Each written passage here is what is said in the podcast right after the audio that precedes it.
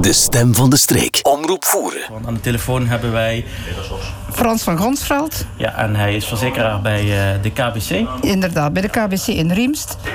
En we zijn zo vrij geweest om hem even te contacteren, gewoon om de vraag te stellen: wat moeten de mensen doen op dit ogenblik? Wat raadt u hun aan als verzekeraar? In eerste instantie om aangifte te doen, want ik, merk ondertussen dat er al heel veel mensen zijn die wel schade hebben, maar die, die ons nog niet gecontacteerd hebben. Dus het is handig natuurlijk als uw tussenpersoon weet dat je schade hebt en hoe groot dat die ongeveer is. En uh, dan is het eigenlijk een kwestie van ja, alles door te geven. En normaal mag je dan eigenlijk al beginnen met poetsen. Dat uh, is geen enkel probleem. Dus, uh, Wat bedoelt u met alles doorgeven?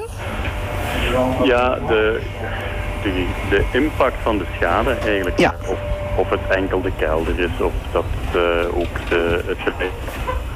Dat je dus persoon eigenlijk kan uh, foto's nemen van de inboedel bijvoorbeeld, of foto's nemen van. De foto's nemen, dat is wat wij hier is constant horen zeggen. Neem foto's.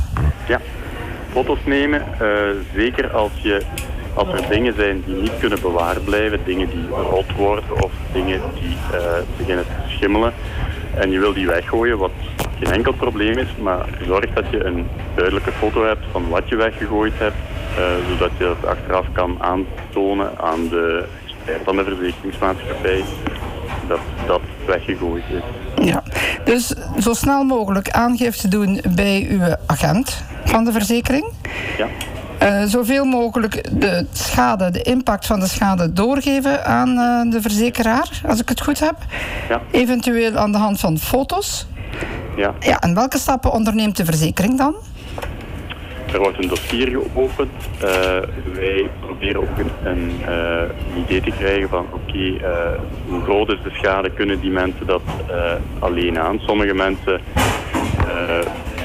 doen de poetswerkzaamheden liefst zelf, samen met vrienden of familie. Anderen kunnen gewoon dat niet doen, gezien, zeg maar iets. Ik kom, ik kom. Ja, de, de fysieke toestand, bijvoorbeeld oudere mensen, ik kan me indenken dat die dat niet zelf kunnen doen. Nee, nee. dus daar uh, bieden we ook aan om, om uh, poetsfirma's uh, te contacteren.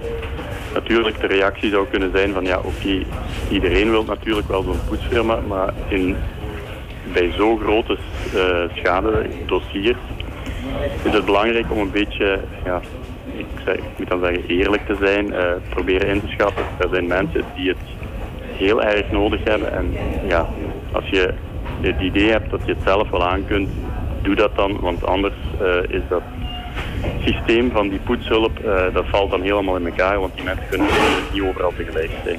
Ja. Oké. Okay.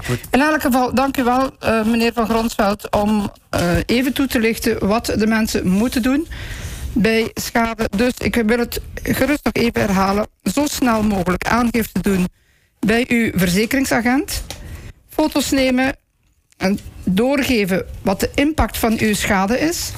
Zij openen een dossier en voor de mensen die het echt niet zelf kunnen, kunnen ze een poetsfirma sturen. Maar u moet zich ook bedenken dat die poetsfirma daar niet morgen of overmorgen al gaat staan. Hè?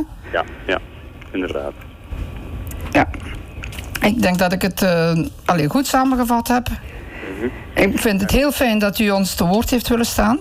Ja, dat is graag gedaan. Ja, dank u wel.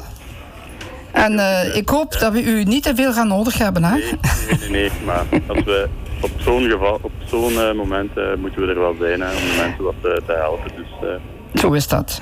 Ja. Goed, dank u wel.